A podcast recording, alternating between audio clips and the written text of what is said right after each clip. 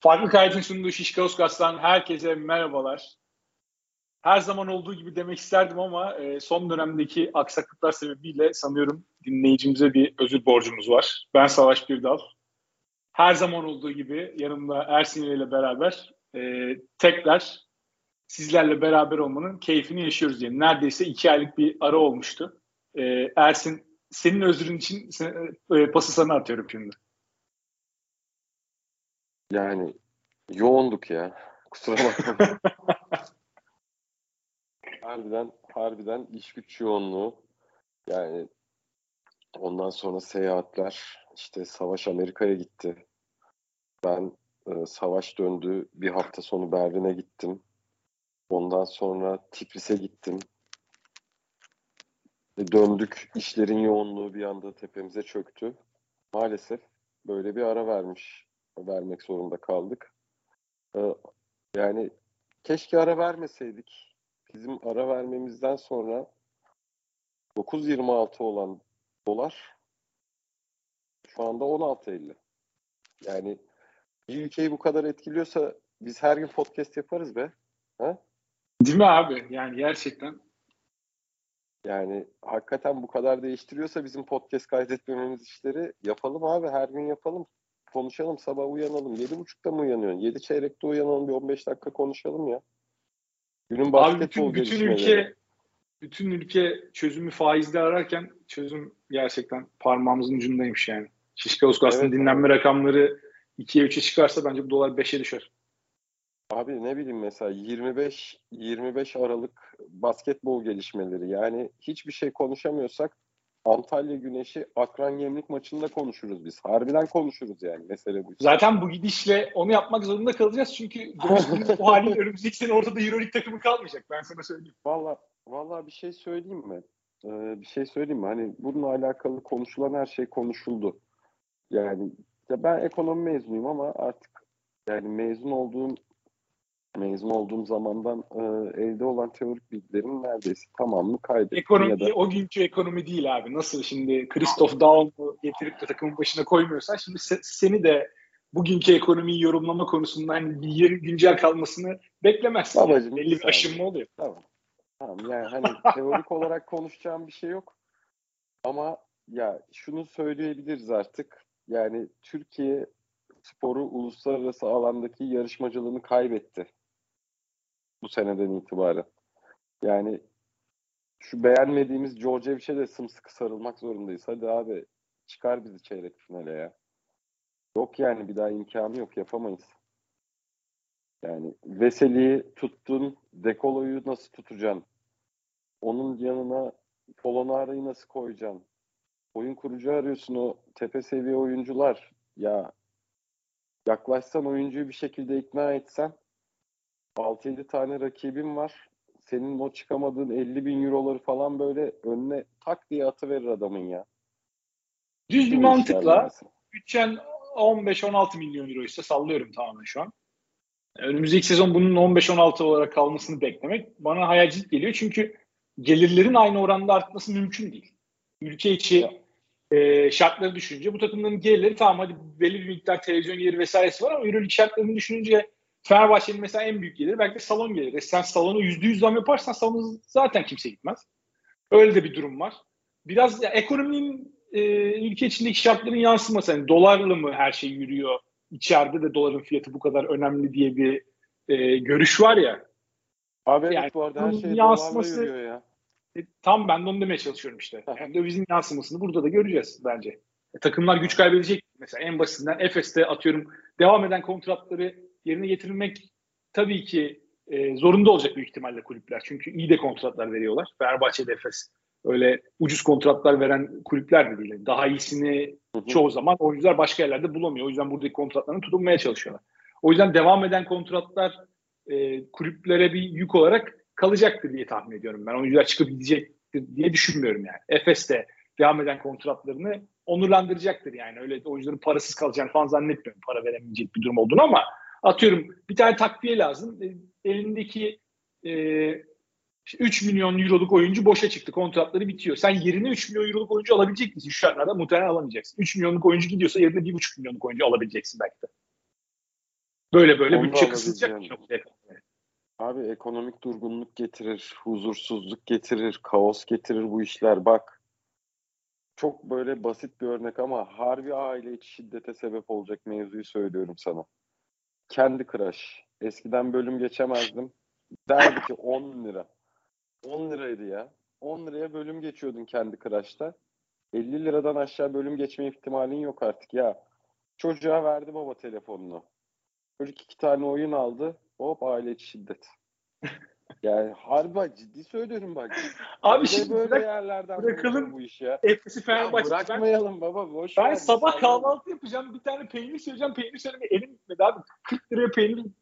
Yani bahsettiğim 40 lira. Ucuz. Hayır. Ucuz. Zaten oğlum Üç kilo yarım kilo peynir değil. Yarım kilo peynir değil bu. 200 gram peynir. E tamam abi sen de yani Guda'nı Guda'yı şeyden mi alıyorsun? Rotterdam'dan mı getirtiyorsun sen de? Yani Hayır abi, 200 gram fiyatlar peynir- 2 ay önce 20 lira olan şey 40 lira yani şu an. Onu demeye çalışıyorum. E, İnsanın O- da şeye almaya eli gitmiyor yani. Allah Çok 250 gram peynir aldım dün ezine. Ezineliği yok zaten. Peynirde de tat yok ha. Bak peynirde tat olsa içim gam yemeyecek. Peynirde tat yok. Ya dedim bari azıcık bir alayım hani kahvaltımıza bir şey olsun, bir tat olsun dedim. 20 lira. Ya 250 gram ya yemin ediyorum bir kibrit kutusu büyüklüğünde peynir aldım ya. İlkokul 3'e geri döndüm abi. Yani ama Abi, kalmasın, yakında- yazık olmasın diye. Şey olacak ya. Birazdan bu ölümlü dünyadaki şey sahnesine dönecek. her şey dolarla mı bu arada? Her şey dolarla, her şey euroyla. Yani hani çok şükür. Yani kendi açımdan çok şükür. Birebir aynı hayat neyse yaşamaya devam ediyorum. Hani gelir anlamında dışarıda dışarıyla yurt dışıyla çalıştığım için aynı birebir aynı hayatımı yaşamaya devam ediyorum. Ama abi peynirin kilosu 5 euroydu. Ulan yine 5 euro yani değişmiyor ki. Aynı şeye devam ediyoruz abi. Dışarıda takılmak eskiden 10 euroydu hala 10 euro ama 10 euro 170 lira oldu mesela ki 170 liraya da nerede takılacağım bu arada? Hani o da ayrı bir muhabbet.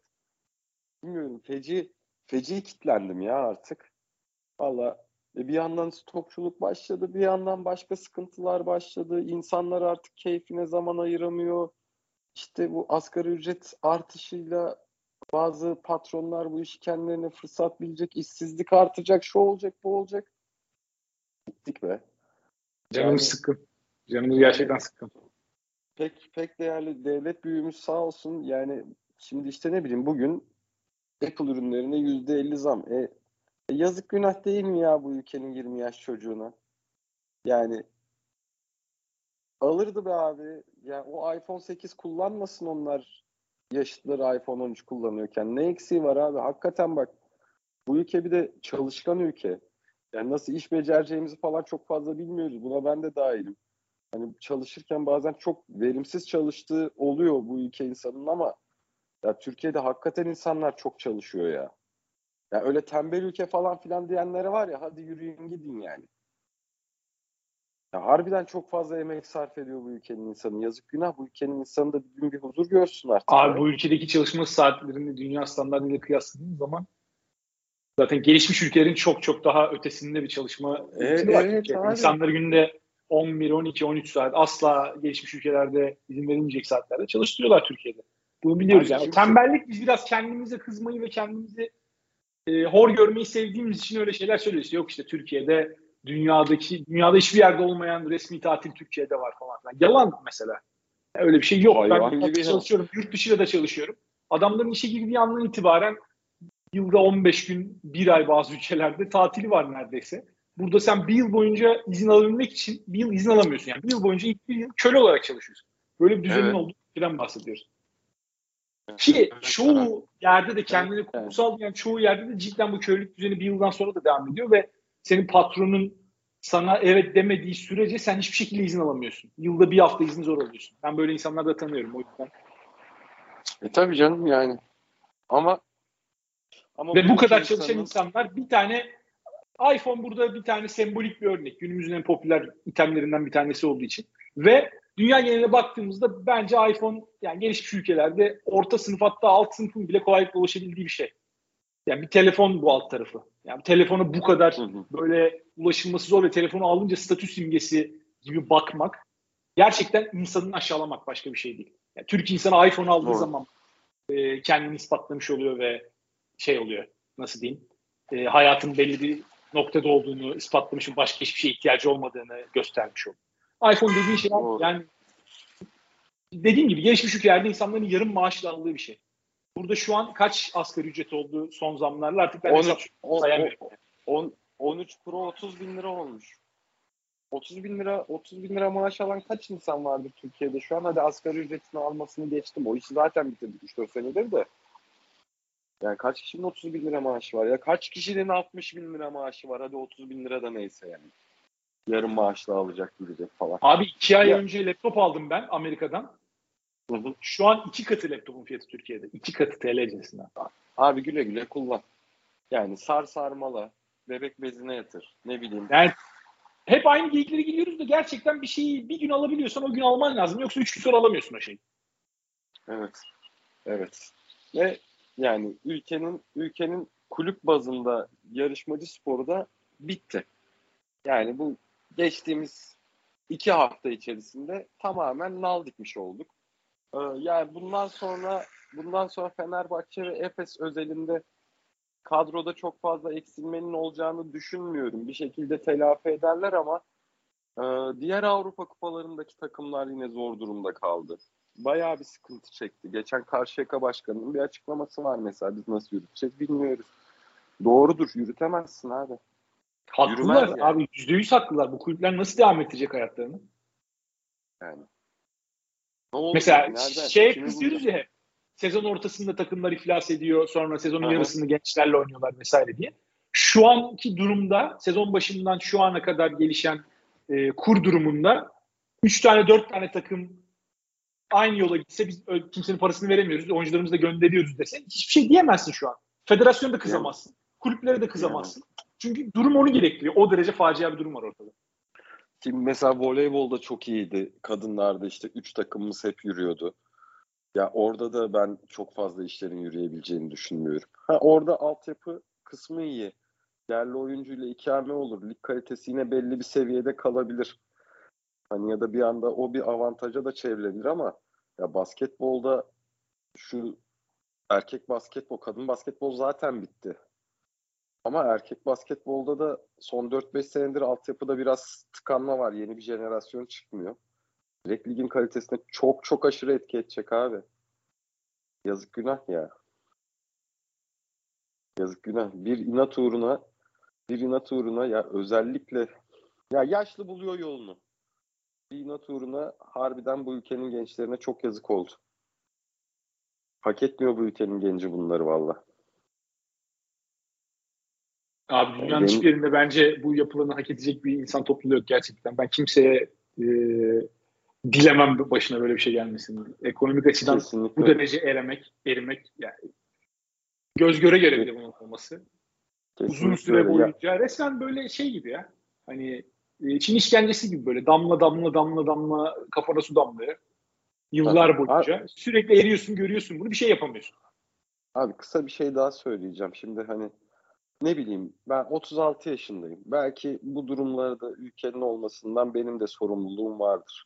Hani ben de yanlış bir şeyler yapmışımdır ya da benim kuşağım da benim kuşağım da bir şeyleri doğru yapamamıştır. Bir şeyleri değiştirecek gücü yoktur vesaire. Ama ya bu ülkenin sadece AKP iktidarı görerek büyümüş gençlerin hiçbir sorumluluğu yokken şununla yüzleşmesi ya çok büyük haksızlık.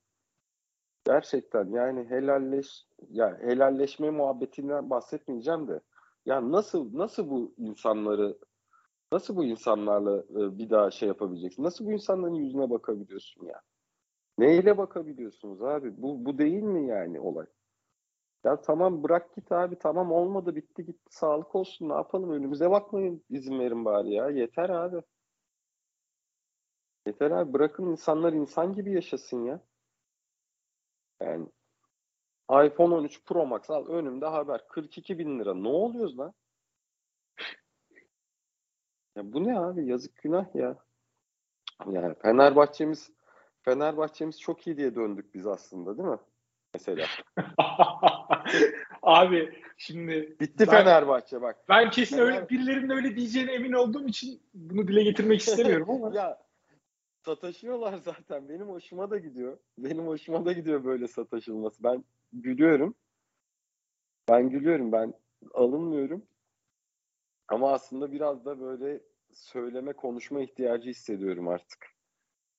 İstiyorsan yavaştan basketbolu geçelim çünkü böyle olursa dinleyenler 10. dakikada kapatmak zorunda kalacak. Zaten biz günlük hayatımızda da yeteri kadar depresyondayız. Bir de sizi dinleyip daha da kendimizi beter hale getirmeyelim. Valla yani dinleyen arkadaşlara söyleyeyim. Gelecek sene böyle Fenerbahçe Beko görmeyecekler. Büyük ihtimalle böyle bir Anadolu Efes görmeyecekler. Yani hani değişecek işler maalesef. Umarım umarım bir şeyler olur. Tekrar işler yoluna girebilir. İmkan vermiyorum ama yani bir mucize gerçekleşir diye dua etmekten başka yapacak bir şey yok. Ya İki maçı da izledim.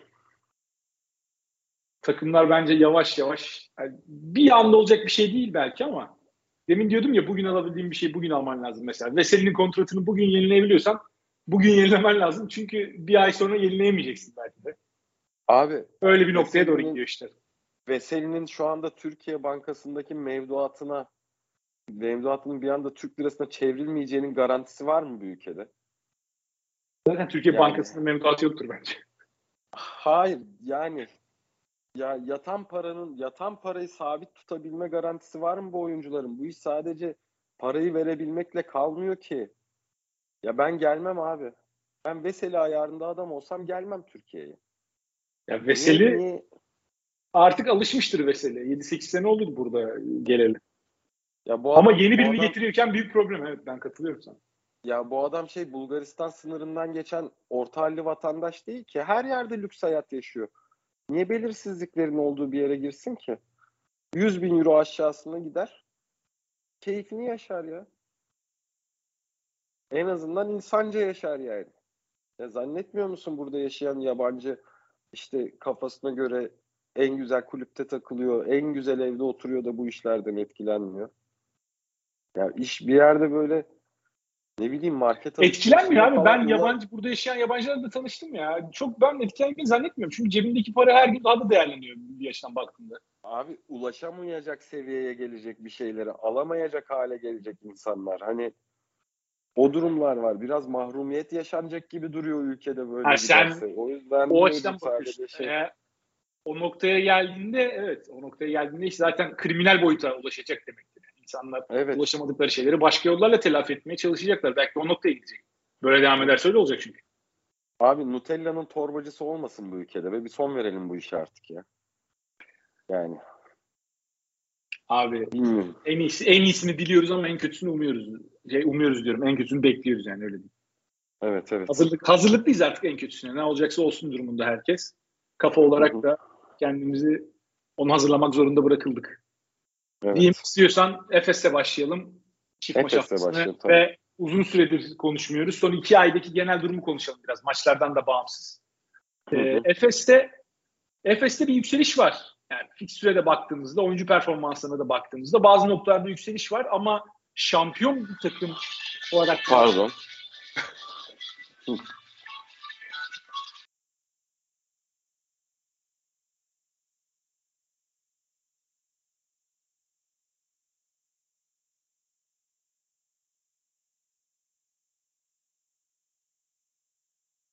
Alo. Geldi. Ha, ne oldu? Her şey o ara annem telefon çaldı ya. Ses girdi araya diye şey yaptım. Tamam şimdi Efes'e tekrar başlıyorum. Tamam abi kusura bakma. Yok önemli değil. Abi istersen sağ içine dönelim. Efes'le başlayalım. Hı hı. E, Efes yani hem son iki maçı konuşuruz. Çift maç haftasını. Hem de iki aydır neredeyse Ekim sonundan beri konuşamamıştık. E, son dönemdeki Efes'in yükselişini konuşuruz. Bazı açılardan yükseliş var Efes'te. Bazı açılardan hala beklenen, e, beklenenin gelmediği noktalar var. E, hı Yani beklenenin gelmediği noktalar bir numaralı yer, beş numara mevkisi herhalde. O konuda hala hem fikir. Çünkü orada hem hücumda hem savunmada netleşemeyen bir durum var. Hani Price'tan zaman zaman iyi performanslar geliyor. Makabi maçında Dunstan fena değildi. Petrushev ara ara geliyor çıkıyor ama hala orada Efes Sertaç'tan aradığını bulamıyor. Mis için çok inişli çıkışlı bir performansı var. E, Larkin yükselenler arasında son dönemde. Özellikle Fenerbahçe maçından beri olan periyotta e, sezon başında çok eleştirdiğimiz şut yüzdesi de arttı.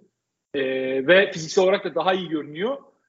Üstüne bir de Makabi maçında zorlu bir deplasmanda takımın en iyisiydi ve maçı getiren adam da en kritik yerlerde Makabi'nin her serisi gelebilir diyebileceğimiz noktada lakin olaya el koydu ve e, Makabi'nin ona tanıdığı şansları neredeyse hiçbirini boş geçmedi. E, sen ne görüyorsun? Mesela Simon da e, son dönemde iyi maçları oldu, kötü maçları oldu. Biraz Efes o açıdan bana e, iyiye gidiyor totalde ama hala çok yolu varmış gibi geliyor. Sen ne diyorsun? Ee, genel olarak Larkin Larkin'in performansında net bir yükseliş var. Ee, bu hafta bu hafta bence takımlar için biraz şanslı bir çift maç haftasıydı. Hem Fenerbahçe hem Efes zaten aynı fikstürü değişerek oynadılar. Ee, ya ben Efes'te Efes'teki uzun problemi uzunların artık yani yakın seviye takım ya da sert takımlara karşı e, bayağı bir çözüm üretil uzunlara bayağı bir çözüm üretildiğini düşünüyorum. E, Plyce çok yavaş kalıyor. Dunstan biraz daha toparladı ama bazı yerde ellerin ayakların gitmediği hissediliyor. Hani Efes iyiye gidiyor, Larkin iyiye gidiyor çünkü. Ama genel olarak bence Efes'te problemler aynı şekilde devam ediyor uzun anlamında. Ee, şöyle bir artı olmuş. Ya yani iyi ki Bryant'ı almışlar. Gerçekten oyun organizasyonunda, e, top dağıtımında, pas istasyonu olma konusunda işte e, ne bileyim oyunun sıkıştığı anlarda güvenilir el olup e, topu yönlendirmesinde katkısı çok çok büyük. E, Efes hücum temposunu kısalarda e, tekrar geriye kazanmaya başladı. Ya Efes'te şimdi Mitsic'in bir bazen iyi bazen kötü durumu var. Ama hep böyle kaç sene oldu Efes böyle oynamaya devam edeli. Yani iyi takım. Pandemi öncesi sene Final Four dördüncü sene. Dördüncü sene bu iyi Efes'i izlediğimiz. Yani sonuçta bir tane top var. Sonuçta yapılabilecek belli sayıda hücum var. Yani e, Mitsic bazen dümene geçiyor. E, bazen Boba dümene geçiyor. Larkin tekrar işte kazanmaya başladı. E, oyun liderliğini, oyun içi liderliğini. E, ben orada çok problem görmüyorum ama Efes'te Efes'te o sertliği koyacak uzun eksikliği epey bir epey bir Efes'i yıpratacaktır zor fikstürler için. Ben Efes açısından işlerin çok da iyi gittiğini düşünmüyorum. Evet toparladı. Hani Ekim'in sonundan beri yokuz bakıyorum. Zenit iç saha mağlubiyet. Deplasman Alba 30 fark. İçeride Olympiakos 20 fark. İçeride Monaco 20 fark. Deplasmanda Fenerbahçe bütün maç geride maç sonu e, maç sonu Larkin'in coşmasıyla gelen maç. Sonra içeride Barcelona mağlubiyet. Deplasmanda Bayern Münih baya baya tatsız bir oyunla mağlubiyet. Yani e, baktığımızda 8'de 9'da 6 kazanabileceği maçları rahat kazanmış. İşte arada bir de Fenerbahçe'yi yenmiş başarı olarak sert rakip gördüğünde ya da denk rakip gördüğünde de kaybetmiş. Yani biraz biraz tahmin edilebilir olmaya başladı Efes. Bu bence bu bence Efes açısından çok sağlıklı değil. Ya Maç çok çok sallanıyor Efes. Bilmiyorum katılıyor musun evet. buna? Maç içinde evet. çok dengesiz. Yani geçen seneki o yüksek seviyeyi neredeyse 30-35 dakika oynayan Efes'ten bu sene eser yok. Oyuncularla da alakalı bir durum bu. Yani oyuncular Hı-hı. oyuncuların temelini oluşturduğu sistemle de alakalı oluyor günün sonunda ama maç içinde Efes mesela bakıyorsun 10 dakika çok iyi oynuyor. Fenerbahçe maçında olan buydu. Bu şekilde kazandı maçı Efes. Bayern maçında da benzeri oldu mesela. Durdu Efes. Yani 5-10 dakika duruyor bayağı bildiğin.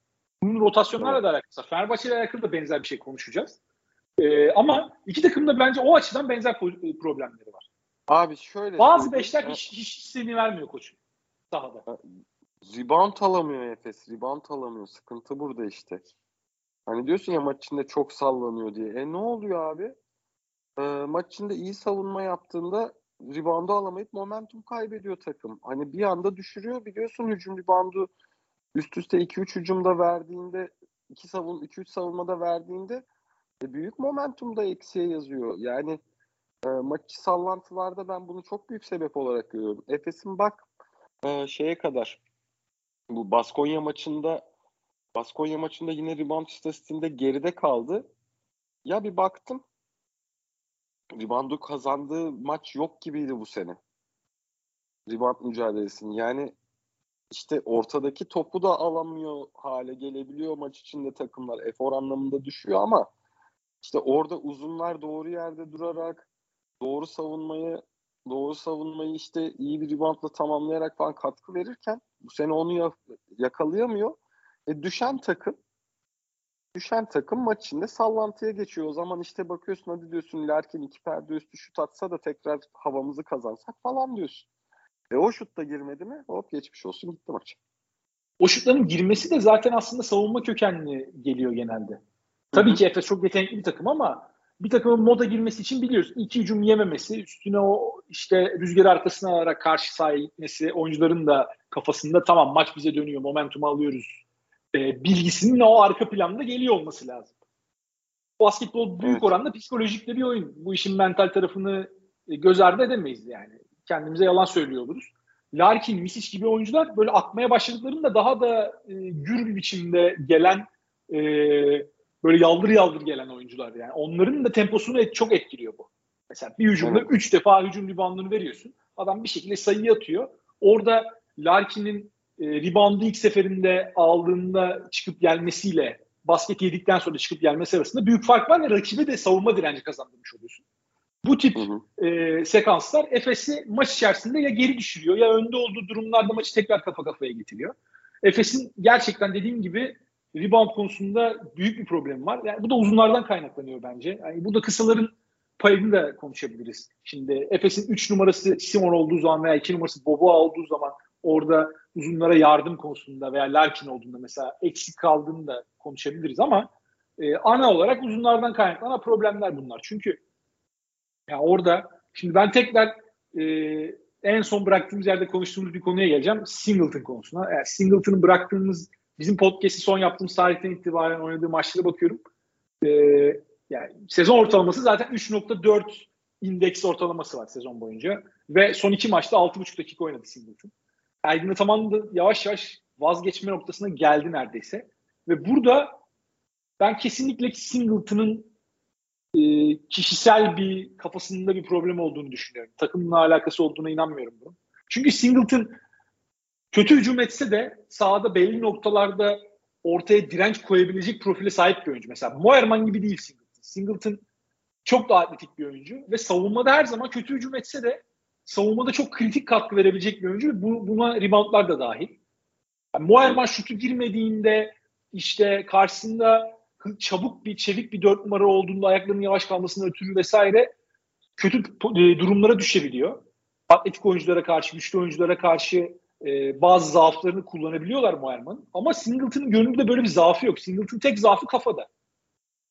Daha önce seninle de Singleton kontratı aldıktan sonra salar bir mevzusunu çok konuşmuştuk. Ya geçen sene de Singleton'ın böyle bir dönemi olmuştu. Kötü geçirdi ama asla bu kadar kötü olmamıştı ve şu anki olduğu noktada hiç bulunmuş muydu bilmiyorum. Neredeyse Ergin Ataman üstünü çizmeye e, bir adım uzaklıkta gibi geliyor bana. Valla Singleton yani Merkez Bankası kuru 20 kuruş düşürmek için aldığın para kadar dolar yakıyor her gün. Lütfen toparla yani. ya bu ülkenin bu ülkenin artık dışarıya verecek bir kuruş parası kalmadı kardeşim. Yani ben artık kötü performans veren yabancı oyuncuya öfkelenirim abi kusura bakma. Abi yeni ekonomik modelimiz gereği zaten Singleton bir maçta böyle oynarsa artık yerine Yiğitcan sahibi oynamak. E yani. Ligde de 40 sayı atıp triple double yapmış bir oyuncuyu değerlendirmemiz lazım yani. Ya bu arada ya o korkunç bir maç ya. yani, yani Afyon'a yollama abi Efes Afyon'a. Abi Ege Anar'ın 50 sayı attığı bir tane şey maçı vardı. Sakarya maçı mıydı? O geldi aklıma. Sakarya maçı evet. Sakarya Basket diye bir Twitter hesabı olan arkadaş var. O da mention atmış bana ama benim de aklıma gelmişti. Ona da buradan e, bizi sık dinleyen dinleyicilerimizden biri. Onda selam yolluyorum. Evet. Abi şimdi e, şu tarz maçlara girdiğimizde mesela ne olacak? Hadi yabancıyı dörde düşürdük. Takım bazı takımların kalitesi düştü. Ya Yiğitcan gelişemez ya. Ya Yiğitcan'ı bu maçlarla geliştiremezsin abi. Abi tamam or- orayı kapattık olup abi. olacak tamam. bu. Olup olacak bu bak. Ya ben aşamıyorum. Abi Singleton konusunda e, yıllarca haklı çıkamadım. Bence bir 10 Ben saniye yıllardır boyunca- bunu bekliyorum. Evet bence bu 10 saniye şu haklılığın bir mutluluğunu yaşa be. Değil mi abi? Böyle bir sessiz bir Ya biçimde. net ya. Net yaşa ya. Hadi durma kutla bu zafer senin savaş.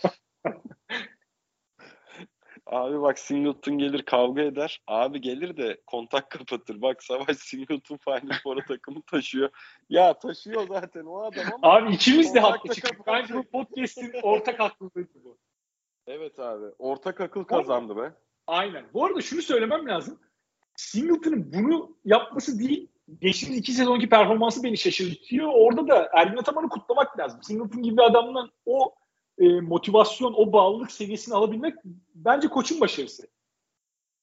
Şu anki Abi durum zaten. ben takımla veya koçla herhangi bir alakası olduğunu düşünmüyorum. Yani tamamen Singleton kafasında yaşadığı bir olay. Demin de söyledim. Kesin öyle. Kesin öyle ya işte şey e, devreler yandı. Yani net olarak şu. Ya zaten bu arada bir şey değil mi? Ya şu Efes kadrosu Efes kadrosu şu anda çok güçlü. Ligin en baba kadrosu vesaire denirken ya insanlar aslında bu kadrodaki eklemelerin işte hani ya düşen ya düşen işte performanslar üzerine eklemeler olduğunu falan farkında olmayabiliyor bazen. Ergin Ataman ya cidden çok iyi bir mühendislik yaptı. Yani bu sene başlarında bir afallıyor iki senedir.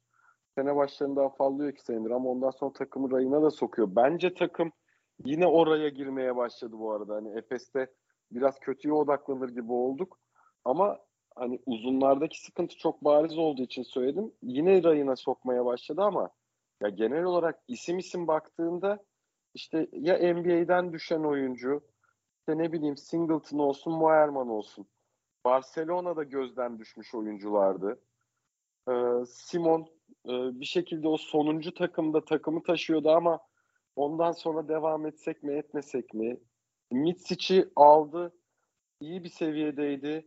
Avrupa'nın en büyük yıldızı haline getirdi.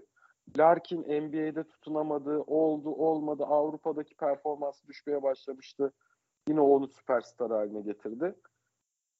Ee, Zaten genel olarak Efes'e baktığımda coaching açısından yani coaching açısından mikro coaching açısından söylenebilir ama şey e, planlama ve mühendislik açısından e, bir sıkıntı yok. Efes için şunu söyleyeceğim Savaş bak.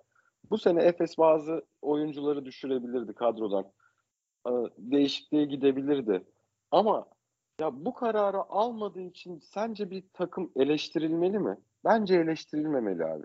Yani şöyle ya bugünden bakınca eleştirirsin bu uzun rotasyonuyla girdiğinde ama ya adam da sana şunu söyler yani Alper Yılmaz da şunu söyler sana ya abi iyi de ben şampiyon kadroyu korudum. Yani yanlış yapmadım ki ben şampiyon takım neyse gümbür gümbür vurup geçen takım neyse ben onunla devam ettim. E Dunstan'ın bir yaş aldığını performansta azalmaların olduğunu fark ettim. E bir de bu takıma Petrushev ekledim. Hücum repertuarı zaten belli. E hocamın her oyuncuya kattığı şeyler belli. E bir de Petrusev'i de ikame ettim oraya bir genç ekleme yaptım. Hani benden ha, benden bugünden bakınca güzel de hadi yazın bir de kendinize benim yerime koyun. Çünkü bir oyuncuya şampiyon takım gittiğinde ona göre fiyat çekiliyor. Başka takım gittiğinde ona göre fiyat çekiliyor. Yani böyle durumlar da var. Ben o yüzden ben o yüzden şimdi Efes yanlış yaptı demenin bugünden çok kolay olduğunu düşünüyorum. Ya Ben, buna mesela- katılmıyorum çünkü yazın da Efes taraftarların ben tweetlerini gördüğümde herkes beklenti içerisinde. Uzun alalım. Uzun Ben de alalım öyle abi. beklenti içerisinde. Hayır sadece uzun değil. Anderson'ın yerine, Moerman'ın yerine. Bu oyuncuların çünkü kontratı bitmişti. Bu oyuncular bir anda yenilendi. Mesela Elijah Bryant transferi şu an yapıldı. Sezon içerisinde yapıldı. Demek ki orada bir eksik kabul Başında edildi. yapıldı canım. Yazın da yapılabilir. E başında Yazın da yapılabilir. demek abi belli ki beklemişler. Oyuncu kontrat beklemiş. Tam bir Simon ikamesi. Ya oyuncu Hayır ben onu demeye o- çalışmıyorum. Bryant yazın alınabilirdi demiyorum. Yani benzer hamleler yazın da yapılabilirdi. Demek ki eksik olduğunu sen itiraf ediyorsun sezon içerisinde. Yani Bryant, Bryant değil. Simon sakatlandığı için Bryant hamlesi yapıldı. Anderson yerine yapılmadı Bryant hamlesi. Mesela sen Ben- yerine direkt adam alabilirdin belki. ben Bryant'ın beklendiğini düşünüyorum orada mesela. Simon ikamesinde tak diye de koydular. Yani Milwaukee oyuncuyu bıraktı. Bırakır bırakmaz Efes'le imzaladı. Yani ben orada bir olabilir. ikame beklendiğini düşünüyorum. Hani olacaksa bak bu Bryant düşer bekleyelim. Ya da o olmadı ondan sonra alternatiflere bakarız. 3 numara için dendiğini düşünüyorum. Çünkü çok hızlı bitti transfer. Benim katılmadığım nokta şu diyorum. abi. Anlıyorum senin bakış açını. Benim katılmadığım Hı. nokta şu. Bir GM'in geçmişe takılma lüksü olmaması lazım. Yani tamam şampiyon kadroyu koruyorsun. Fenerbahçe de yaptı aynı hatayı zamanında. Şampiyon kadroyu koruyor olabilirsin tabii ki. Bu bir bakış açısı. Ee, burada koçun da ben pay olduğunu düşünüyorum. Ama bir yandan da sen önümüzdeki sezon şampiyon kadrosunu oluşturmak için oradasın. Ve Efes'in geçen sezon finale giderken, şampiyon olurken zaaf yaşadığı noktalar da belliydi. Herkes gördü artık bu noktaları. Nerede Efes'in eksiği var ve üstüne bir Sertaç gitti. Buralarda Efes'in daha proaktif olmasını ben beklerdim şahsen. Valla ben de değişiklikten yanayım. Ben futbol menajerde e, oyuncum 26 yaşına geldi mi satarım abi 80 milyon euroya alırım yenisini. Yani, abi ben ama hayat, hayat oyun değil. futbol menajer oynuyorum bir aydır. Arsenal'le başladım işte. Baya böyle ilk sezon ilk dörde girdim. Neyse sonra şampiyon olmaya başladım. Şampiyonlar Ligi'ni falan aldım. Bayern'de Musiala var bir tane. Musiala'yı almıştım. 100 milyonu aldım. 2 sene sonra Paris Saint Germain elimde ne varsa zaten 200 milyon teklif ediyor. Satmasan da oyuncu morali bozuluyor. Satmak zorunda kalıyorsun. Yani sonra tekrar inşa, tekrar inşa. Zaten bir tane kadroyu kurup da 10 sene aynı kadroyla her kupayı kazanmak çok zevksiz oluyor. O yüzden bence ben Alper Yılmaz'ın yerinde olsam sıkılırdım mesela. Larkin, Misic domine ediyor abi ne gerek var? Sat mesela yenisini al bir daha yap başlar. Ama abi şimdi real hayatta biz seninle biz seninle kaç yıl Yok, oldu? Bunu dalgasını diyorum zaten. 4 yıl. 4 yıl oldu. Şimdi ben bu programı başkasıyla yapmak istemem. Senin huyunu suyunu biliyorum. İşte nerede ne konuşursun biliyorum. Mesela Savaş spacing hastasıdır. Yani Savaş oyunu spacing üzerinden yorumlar. Şimdi ben sen dedin ki abi ben bırakıyorum. Benim de podcast yapmaya hevesim var. Şimdi atıyorum kimle yapalım podcast'i? Can Nefesoğlu ile yapıyorum podcast'i. Can da oyuncu performanslarını öne çıkarmaya başladı. Bir, bir afallarım. Tanıdığım insanla devam etmek isterim yani. Aynı şeyi yapmaya. O yüzden o yüzden insan insan alıştı mı? İnsan alıştı mı? Kolay vazgeçemez. Huyunu abi suyunu bildiğin öyle. insanla öyle. huyunu Ama... suyunu bildiğin insanla vedalaşmak zordur abi.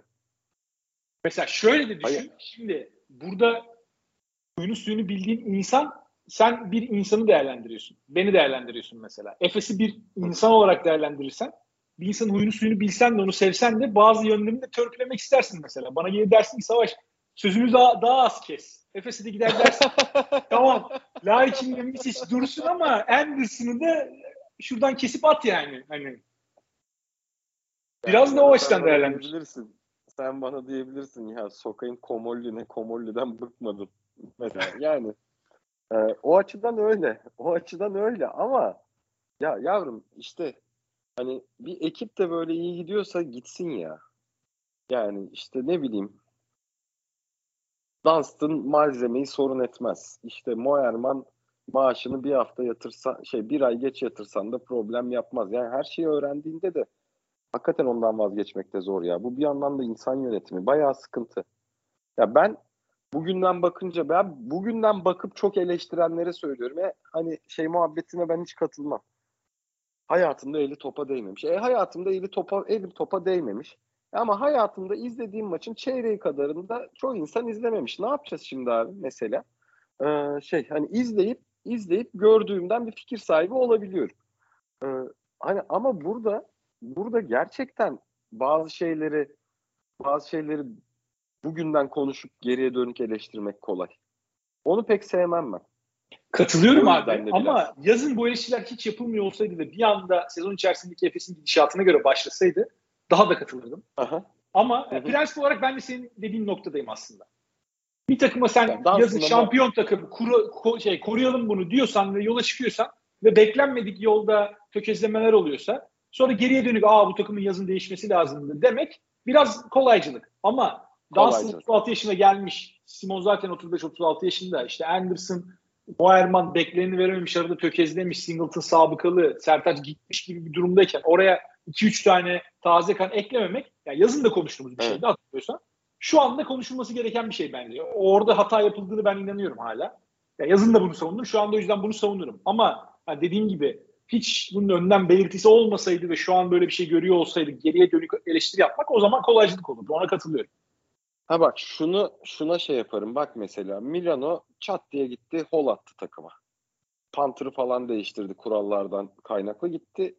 Düşük maliyetli hol attı. CSK Lundberg çıkardı mesela. Yani Efes dönüp kendi ligine bakmıyor. O bence bir eleştiri konusu. Efes ligden hiç ekleme yapamadı takıma. Hiç yapamadı yani. Bir Şehmus'u istediler. Bence Efes oyununa faydası da olurdu. Fenerbahçe'de olduğu kadar olurdu. Bayağı süre de alırdı. Ama dönüp hiçbir zaman lige bakmadılar iyi giderken. Bence bizim ligden dışarıya seken iyi oyuncular oldu. Orada orada bir genel olarak yönetim anlamında eleştiririm. Hani o, Ama şampiyon bir... takımda olunca belli standartta ve belli şeyleri yapabilecek oyuncu istiyorsun. Bence Ergin Ataman da onu arıyor. Ergin Ataman'ın oyununu oynamak için çünkü oyuncuya e, verilen sorumluluk seviyesi yüksek olmak zorunda ve oyuncunun da oyun zekasının bence bir seviyenin üstünde olması lazım. Evet evet ve oyuncunun oyuncunun işte bir şekilde lider özellikleri de her oyuncu bu arada Efes'te o özelliğe sahip bence karakter anlamında. Hepsi winner oyuncular. Ona da çok ihtiyaç var çünkü bazen Efes bire bire çok kalıyor oyunu. Bence bu da yanlış bir şey değil bu arada. Tercihtir. Yani birebir oynayan oyuncu Larkin'le Misic olduğunda ve gününde Larkin Misic tabii ki birebir oynasınlar istersin. Tabii tabii. Burada ben tabii, de tabii. hani birebir basketbolun oynanması gereken zamanlar var ve bunun oynaması gereken oyuncular var. Bu, bu noktada Efes'in bunu da kullanması gerekiyor. Ama işte oradaki sallantıları biraz daha çözmeleri gerekiyor ve bence işte savunma tarafında Efes'in gideceği çok yol var hala. Savunmada ben çok zayıf buluyorum Efes. Geçen sene de Efes e, 2004 Detroit Pistons değildi belki ama geçen sene savunmada çok daha yüksek bir standardı vardı ve savunmayı bu, zaaf, zaaf olarak algılamıyorduk yani. Bu, bu, bu sene yılbaşı zamanı yılbaşı zamanı savunmada artı yazmaya başlamıştı ama işte Singleton'la artı yazmaya başlamıştı. Orada bir orada bir sıkıntı var. Orada yani Sertaç da büyük artıydı. Singleton evet. da büyük artı. Şu an ikisi de yok. Yani Singleton var ama evet. yok. Sertaç gitti. Singleton'ın bir adaptasyonunu sağlamak lazım. Yani Artık Singleton'a nasıl olacak? Singleton'ı Singleton'ı döviz.com ve investing.com'u önüne açıp bak kardeşim bizde durumlar bu. Bak bizim kafa zaten dolu. Sen de bizim kafayı daha çok doldurma. Kendine gel. Yazın bakarız. Ne yapacağımıza demek lazım. Peki abi istiyorsan önünde Fenerbahçe'ye toparla kafayı. Fenerbahçe'ye geçelim yavaştan. Geçelim. Fenerbahçe'miz. Fenerbahçe biz bıraktıktan sonra biz açıkçası hani en son programı yaptığımızda Djordjevic neden kovulmuyor, ne zaman kovulacağı konuşuyorduk. Şu an Djordjevic son dört maçı kazanınca biraz e, kendini yani garanti aldı demeyeyim de en azından zaman kazandı kendini ama takımın çok da tatmin eder bir basketbol oynadığını ben şahsım adına söyleyemeyeceğim. Bilmiyorum sen ne düşünüyorsun o konuda? Valla iki maçtaki Fenerbahçe'yi çok beğendim. Yani Abi iyi bir Fenerbahçe'ydi ama Fenerbahçe'nin hücum anlamında yani Baskonya gibi bir takıma karşı ben maç içinde bu kadar tökezlemesini açıkçası normal bulmuyorum hala. Çok istikrarsız Fenerbahçe maç içlerinde. Yani Efes'te de benzerini söyleyip Fener'de de konuşacağız demiştim. Fenerbahçe maç içinde başlıyor. Mesela Pierre Henry 5 başlıyor. Savunmada çok yırtıcı bir 5. Veseli de sahada. Bu takım Baskonya maçının ilk 5 dakikası süperdi. Baskı Aynen çok iyi ama bu şey tamamen savunma kaynaklı. Fenerbahçe'nin hücumu Hı-hı. tamamen savunma kaynaklı. Fenerbahçe'nin hücum kaynaklı bir hücumu yok. Savunmada Fenerbahçe bir şeyler yapardı, rakibi bozarsa o zaman Fenerbahçe yaldır yaldır geliyor. Ama Hı-hı. savunmada bir şey yapamazsa ve Henry de sahada değilken geldi bu ikisi Koreli. Henry sahadayken Fenerbahçe savunmada iyi. Henry sahada yokken Fenerbahçe savunmada kötü. Bu kadar basit Hı-hı. bir denklem var. Çünkü bu arada yani Veseli'yi denklemden çıkardım çünkü Veseli 40 dakika oynuyor. O yüzden Veseli sahada yokken diye evet. bir şey yok artık.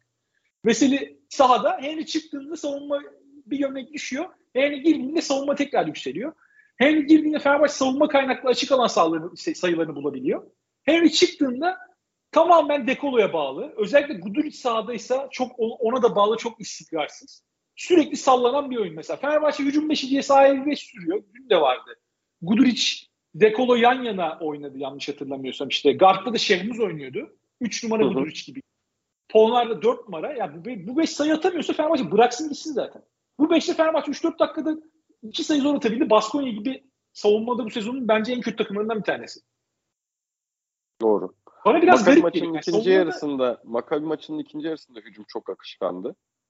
Onun dışında doğru. Doğru ama işte savunma kaynaklı savunma kaynaklı sayılara kolay ulaşabilen e, bayağı sahada sahada çok fazla e, birbiri için oynamaya çalışan bir oyuncu grubuna dönüşen bir takım var. Yani burada artık Fenerbahçe'nin hücumunun işlenmesi lazım. Djordjevic'den bu konuda ümitli misin? Ben değilim. Ben Ama- Djordjevic'den hücum işlemesi konusunda ümitli değilim. O yüzden ben aslında sezon başında geldiğim noktaya döndüm. Bu Fenerbahçe muhtemelen playoff'a girecek gibi geliyor bana ve yenmesi gereken takımları yenecek ama üstündeki takımları yenmesi için de çok büyük bir mucize lazım. Ya Fenerbahçe Yani- kendisine daha iyi takımlarla oynadığında kazanması çok zor geliyor bana bu oyun stiliyle. Evet. Yani hücum hücum hala hücum hala ki bu e, şey değil hani e, kağıt üzerinde çok mantıksız değil ama hücum hala tamamen Dekolo'nun eline bakar durumda. Ve Dekolo zaten yani fizik olarak her zaman afallarken yaş da aldı. Çok yıpranıyor. Yazık oluyor yani. Abi Dekolo- bu arada öyle diyoruz ama Dekolo son 3-4 haftadır bence büyük bir yükseliş içinde. Yani ben Onu, Artık Dekolo onu ekleyeceğim diye abi. Onu düşünürken- ekleyeceğim. Onu ekleyeceğim. Takım savunmada oturdu. Ee, savunmada oturan takım çok fazla işte şey savunma kaynaklı sayı üretmeye başladı. Ee, bu sefer Dekola da orada oyunun temposu artıyor ya. O zaman harbiden kendini buluyor.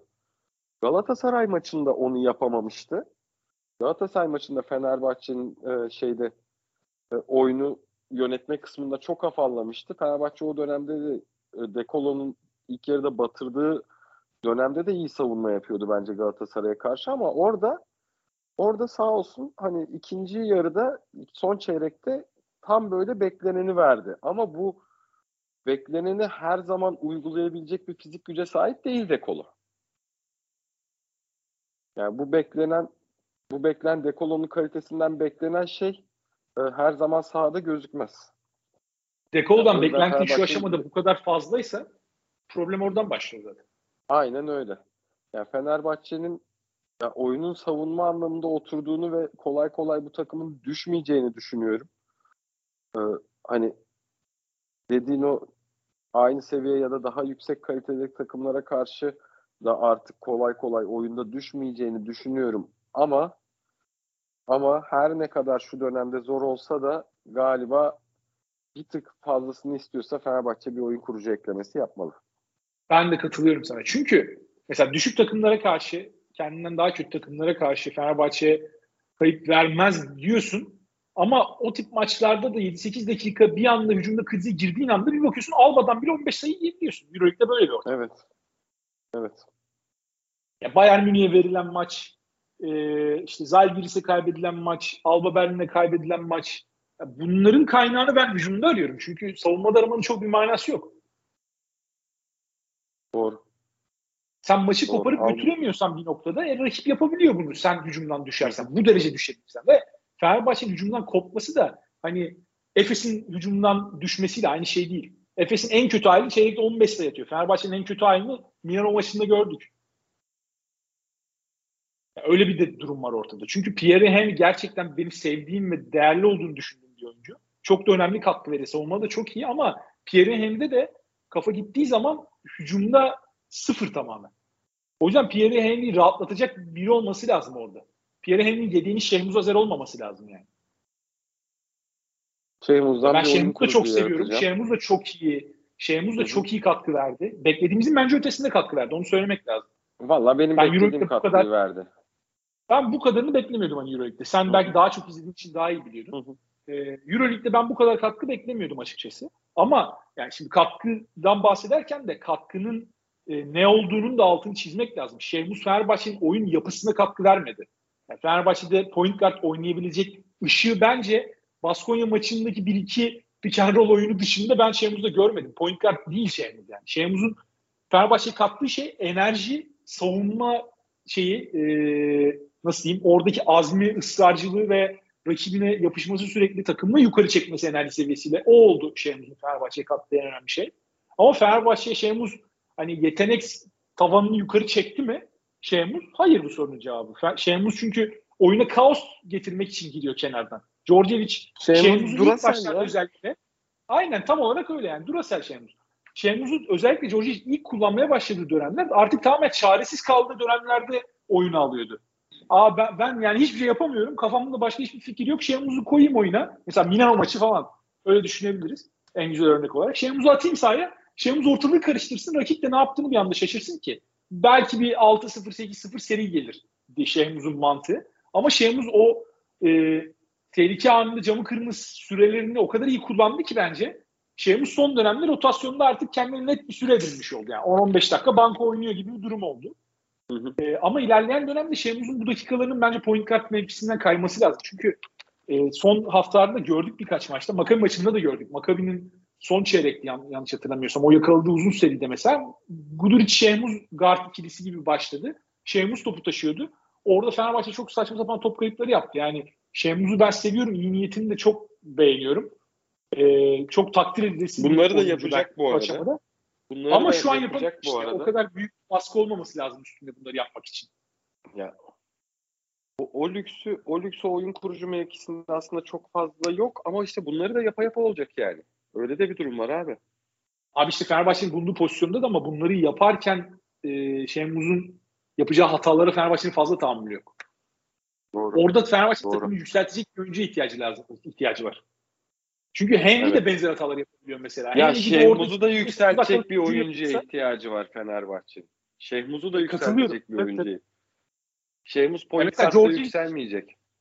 E, ben de ona katılıyorum. Yani ben Şehmuz'un geleceğini için olarak görü- görüyorum. Şehmuz point guard Net. E, e, point guard değil Şehmuz yani. Net. Net. Ya Fenerbahçe'nin bu Werner Laurent'tan beri kaderi ya.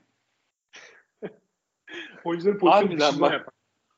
Evet abi inanılmaz bir camia bu açıdan ya. Ya mesela şimdi ya getirmişin hocayı Veseli 4 Booker 5'te 30 dakika oynuyor mesela. Ne yapacaksın şimdi? Ya camia kaderi ya.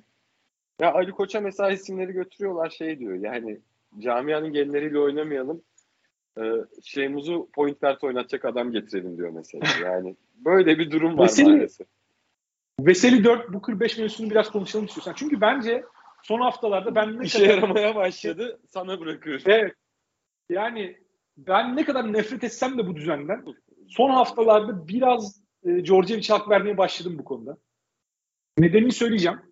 E, bu kadar savunma kaynaklı bir takımken Fenerbahçe Veseli 5, Polnara 4 iken Fenerbahçe e, yani hücum da edemiyor. Savunma da yapamıyor, hücum da edemiyor. Çünkü Booker'ın orada varlığı tam Booker inanılmaz bir reboundçı değil ama Booker'ın orada varlığı biraz reboundlarda rahatlatıyor Fenerbahçe'yi. Polnara Veseli ikisi de çok e, Fenerbahçe ince kalıyor, çelimsiz kalıyor pot altında.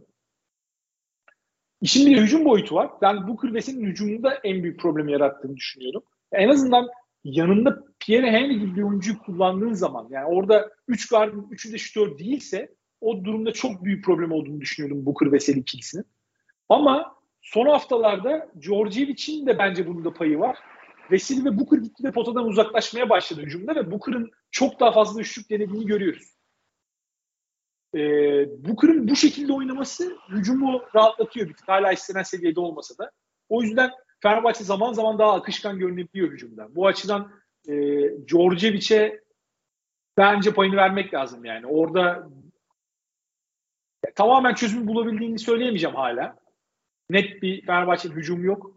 Oturmuş bir hücum sistemi yok. Ama son haftalarda Booker'ın ben e, daha dışarıdan hani potaya baktığını ve rakibin de o tehdidi hissedip biraz daha pot altındaki alanı boşaltmaya başladığını görebiliyorum açıkçası. Bunun en iyi örneği zaten Makar maçıydı.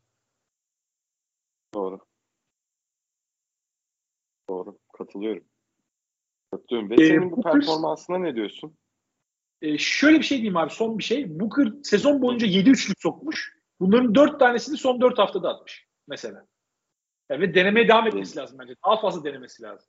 Maçın başında mesela bir tane top geldi baba sık be. O, o şeyine var artık senin. Özgürlüğün var. Yapıştır. Özellikle tepeden yani, kesinlikle atması lazım. Evet evet çok güzel pozisyon vardı Baskonya maçında atmadı. Ah yaptırdı şöyle bir. Ee, Veseli Fenerbahçe basketbol tarihinin en büyük efsanesi diyebilir miyiz oyuncu anlamında? Abi herhalde diyebiliriz. Çünkü efsane dediğin zaman formasını giydiği süre, o süre boyunca yaptıkları taraftarla özdeşleşmesi yani Veseli'nin de her geçen gün daha iyiye giden bir çizgisi var. Veseli de öyle ilginç bir oyuncu oldu Fenerbahçe'den. Çünkü biz Fenerbahçe gelen oyuncuların genelde Fenerbahçe geldikten sonra gün gün erimesini izlemeye alışmış insanlarız. Veseli geldiği günden boyuna, bu yana her yıl yeni bir şeyler ekledi oyunda. Arada hayal kırıklıkları da oldu ama yani kimin olmuyor ki? Yani herkes de oluyor bu. Ben o yüzden işte CSK finalindeki Veseli'nin servis atışlarını Veseli Fenerbahçe efsanesi olmaz Euroleague finalinde 10 tane servis atış kaçırdı gibi bir açıdan değerlendirmiyorum. Çünkü Veseli'nin Fenerbahçe forması giydiği süre ve Fenerbahçe formasıyla bu takıma verdiklerine e, dediğim gibi işte liderliğine çıktığı seviyeye Euroleague MVP'si olmasına bunların hepsini bir arada değerlendirince gerçekten belki Fenerbahçe formasıyla Veseli'den daha iyi oyuncular izledik. Ben izlediğimizi düşünüyorum. Mesela işte Yudoh'un Fenerbahçe'nin şampiyon olduğundaki performansı Veseli'den bence iyiydi. Hı hı. Veya işte Bogdanovic'in ara ara çıktığı seviyeler belki Veseli'den iyiydi. Hani Panathinaikos serisi ilk başta akla geliyor ama bu kadar uzun süreli, bu kadar istikrarlı biçimde aynı seviyede Veseli kadar Fenerbahçe'ye katkı veren oyuncu olmadı. Veseliciyiz ya. Mesela serbest noktadan sonra geliştirmesi. Serbest atışını geliştirmesi yani hani bu sene yüzdesine durumda tam bilmiyorum ama artık Veseli serbest atışa giderken benim içim o kadar sıkılmıyor. Yani Abi bu sene kötü başlamıştı. Şu an %76'da yine. inanılmaz bir yüzdesi. Evet abi. Mesela Baskonya maçında iki tane kaçırdı ama hani atarken artık güven güvenle gidiyorsun. Bir tane kaçırdı pardon ikini kaçırmıştı doğru. Yani abi ne bileyim işte galiba bağlılık aidiyet. Bunlar da bunlar da oyuncuyu şey yapıyor. Artı yazdırıyor. Ya Veseli artık 31 yaşında. Atletizmi atletizmi iki sene daha bu seviyede gider sonra düşer. E belli bu adam hem aidiyete sahip hem takımın yukarıda kalmasını istiyor hem de yani düşen atletizmi Veseli'ye çok fazla para kaybettirecek. O parayı kaybetmek istemiyor abi. Yapmış yatırımını geleceğine. Helal olsun. Yani Veseli 36 yaşına kadar hani bir sakatlık riski yaşıyor her zaman. Oyun tarzı olsun, e, arada dizler yetmiyor. Oynadığı oyuna sakatlık geçmişi de var ama ya 36 yaşına kadar Veseli bu oyundan çok rahat çok iyi paralar kazanmaya devam edecek. Çünkü repertuarını inanılmaz genişletti. Özellikle son iki senede. Ben hücumda... için son senesinde çok iyi bir pas istasyonu, kusursuz bir pas istasyonu olmaya başlamıştı.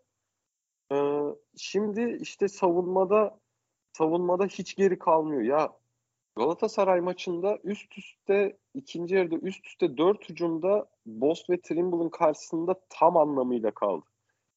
Hani bu iki oyuncu da bu iki oyuncu da yani Euroleague oyuncusu bu arada şey değil. Böyle düşük seviye oyuncu basıp geçemeyecek oyuncular değil yani. Üst üste dört hücum perde çıkışında kaldı. Hani birinde de eh başkası yapsın dersin ya. Ki birinde de bir hücumda da zaten Booker'a denk geldi. Booker ya neyse başka bir oyuncuya denk geldi. Boss küt diye koydu üçlü. Yani o açıdan da o açıdan da tamamen duracağı yeri santim santim farkında yani. Helal olsun valla. Veseli için izliyorum maçların. Büyük bölümünü Veseli için izliyorum artık. Bunu başardı ve bence çoğu insan için de bu böyle. Veseli çok keyif takım olmaya başladı Fenerbahçe. Kesinlikle öyle. Zaten Dekolo oynadığı kadar işte Veseli hep oynuyor. O yüzden Veseli'yi artık dediğim gibi. Veseli 40 dakika oynuyor ve her maç oyun içinde. Sahanın, sahanın içinde olmasını geçtim yani işin içinde ve her maç varlığını hissettiriyor. Dekolo da yanına eklendiği zaman Fenerbahçe keyif veriyor izlemesi. Ama burada e, Fenerbahçe'nin bir sonraki aşamaya geçmesi için mutlaka yani Guduric'den katkı alması lazım. Ee, ya da bir yani iş yapacak bir guard getirmesi lazım oraya. Guduric harbiden yani yakışmıyor. Guduric, yani. Guduric maç boyu e, kendi hayal kırıklıklarıyla boğuşup İşte arada bir tane üçlük sokuyor. Sonra kendine sinirlendiği için o üçlükle çok gaza geliyor. Bir sonraki pozisyon yine aynı hataları yapıyor. Böyle böyle Gudur işte sallana sallana gidiyor ama bir yerde forma girecek mi, ritim tutturacak mı bilmiyorum. Sezon başından beri bekliyoruz. Bence artık zamanı geldi gibi geliyor bana. Çünkü Gudur işte kötü bir oyuncu değil. Yani bir sürede iyi oynaması lazım. Yani umarım. Umarım. Ama aslında o da son 2-3 haftada yani bir Zenit maçında o niye yoktu? Ailevi bir meseleden yoktu diye biliyorum. Zenit maçında çocuğu oldu abi. Değil doğum yaptığı için. Aynen. Yani Zenit maçından sonra döndü. Bir maçta 9 sayı, bir maçta 7 sayı ama hani geçen sene o ilk e, selamünaleyküm ben NBA'den geldim diyen Guduric gitti. O, o Gudur sezon başından beri yok abi zaten. Aha, yok yok işte o gitti. Rol oyuncusuna döndü yani onda da onda da Fenerbahçe'nin aslında alternatifleri var. Bu sefer yani bu oyunu oynayacaksan bir gün önüne senin takıma maliyetin de çıkar kardeşim. Abi Kendine Gudur için gel. Sen Gudur için- Fener yükselsin. Doğru, doğru kesinlikle. Yani Guduric 19 dakika ortalamayla oynuyor. Guduric'in. 19 dakika ortalamayla oynayan bir oyuncu olmaması lazım. Bu noktada suç George için değil yani. Suç, suç Guduric'in. O dakikaları alamıyor Guduric. Guduric'in 30'a Alamıyor, yakın alamıyor. oynuyor olması lazım. O yani 30'a yakın oynamayı hak ediyor olması lazım. O oyunu oynuyor olması lazım. Şu an oynamıyor. O yüzden de bu dakikalarda kalıyor. Yani şey okun, şey okun ben hani performansı bayağı inişli çıkıştı. Ee, şey okun yerini alması lazım bence. Şey yok bazı Şey- maçlarda Şey, olması rotasyona lazım, girer mi sence Ne, ne düşünüyorsun? Yani imdat çekici olarak maçlarda düşünülebilir. Ama ya şey Tamam. gibi oyuncular da imdat çekici olarak kullanıldıklarında çok verim verecek oyuncular değil ya. Mental olarak çünkü kontak kapatıyorlar. Hani Singleton'a ben- benziyor bence biraz o açıdan. Yokken hiç yok yani. Ona var olduğunu hissettirmen lazım ki o da Hı hı. o şekilde sana e, geri dönsün. Pierre'im Pierre'im süper. Pierre bence Pierre, çok Pierre hep yani. Ee, Pierre'in bu sezon ben dediğim o spacing mevzularından ötürü sıkıntı yaşadığını düşünüyorum biraz ama ona rağmen Pierre olabilecek oyun, en iyi oyunu oynuyor. Doğru. Ee, Pierre, Pierre de Djordjevic'i eleştiririm. Ee, sırtı dönük oyununu çok çok az kullanıyor Fenerbahçe Pierre. Onu kullanamıyor çünkü aynı anda Booker ve Veseli sahada olduğu zaman Evet. Pierre'in sırt dönüp oynayıp gidebilecek bir yer yok. Ben ondan bahsediyordum zaten. Tam Doğru. net açıklayamadım. O noktada Pierre'e e, büyük bir kötülük yaptı Djordjevic. Yani Pierre'i mesela 5-10 dakika Polonara 5 Pierre 4 gibi bir düzende oynatsa Pierre gerçekten eşleşmesini potaya kadar götürür turnike atar. 3-4 hücum üst Hı hı. üste. Hı hı. Ama Djordjevic de savunma tarafındaki çekincelerinden ötürü oraya yönelmiyor. Dediğim gibi onu da anlayabiliyorum. Çünkü bu takımın hücumu savunmasından kaynaklanıyor ve savunması kötü olduğu zaman bu sefer tamamen çöküyor takımın sistemi. O yüzden bakalım bilmiyorum yani. Ben Pierre'in dediğim gibi geçen seneki seviyeye ulaşabileceğini düşünmüyorum. Çünkü geçen seneki o düzen özellikle dört tane dışarıdan atabilen oyuncu artı Veseli gibi oynattığı dönemlerdeki düzen Pierre'in çok işine geliyordu ve Pierre Hı hı. e, potaya direkt gidebileceği önünde patikalar bulabiliyordu. Bu sezon onları bulamıyor. Çok dışarıda hı. kalıyor ve potadan da uzak yerlerde sırtı dönük oynamak zorunda kalıyor Pierre. Onun da istediği o değil aslında. Onları da yapabiliyor evet. Ama Pierre'in asıl faydalı olduğu yerler potaya daha yakın oynadığı sırtı dönükler. Özellikle ters eşleşme pozisyonlarında. Bakalım. Hayırlısı. Yavaştan Hayırlısı. kapatalım mı? Kapatalım abi. Uzun zaman olmuştu. Isınma Seninle programı konuşmak- gibi oldu. Evet. Biraz ısınma programı gibi oldu. Seninle konuşmak ama her zaman olduğu gibi güzel. Gayet keyifli. Gayet keyifli. Ee, haftaya biraz daha detaylı inceleyeceğiz umarım diğer maçları da. Haftaya bu arada şey Euroleague maçları Noel kaynaklı çarşamba ve perşembe. Yani e, cuma akşamı hadi hava kötü Euroleague maçı izleyeyim diyenler varsa bir anda kendilerini Euroleague fikstürsüz bir günle bulabilirler. Ama öyle bir durumda öyle bir durumda ne izleyebilir bu arkadaşlar? Hemen bir bakalım. Öyle bir durumda Altınordu Bolu Spor maçı ve Adanaspor Kocaeli Spor maçıyla akşamlarını şereflendirebilirler. Şimdiden söyleyeyim. Valla yani cebimizdeki paranın değer kaybetmediği günlere diyelim Savaş. Bakalım abi yüzde kaç değer kaybetmiş olarak yapacağız bir sonraki podcast'te. Bence bu hafta artık bir sabit kalır yeter. Yeter. İnşallah. Bu hafta bir İnşallah. sabit kalır ya. Bakalım. Bir, bir Noel tatiline giriyor artık. Dış güçler Noel tatilinde çok da- fazla kurcalamazlar. O var da biraz parayı. tatil yapsın. İyi yükseldi. Evet abi. Yoruldu. Yoruldu. Nasıl Mavruki oldu dolar ya?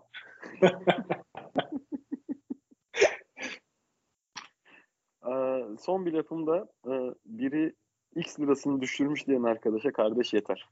Tamam güldük eğlendik. Katılıyorum ben de sana. Yükseliyor işte bu para belli ki. Yükseliyor işte bu para belli ki. Sendeki limit sonsuza gidiyor yeter. Yeter her şeyin bir limiti var diyelim ve kapatalım abi. Bizi dinlediğiniz için teşekkür ediyoruz. Ee, Bundan sonra daha sık beraber olmak istiyoruz artık kesinlikle. Ee, Haftaya görüşmek üzere. Hoşçakalın. Kendinize çok iyi bakın. Hoşçakalın. Görüşmek üzere.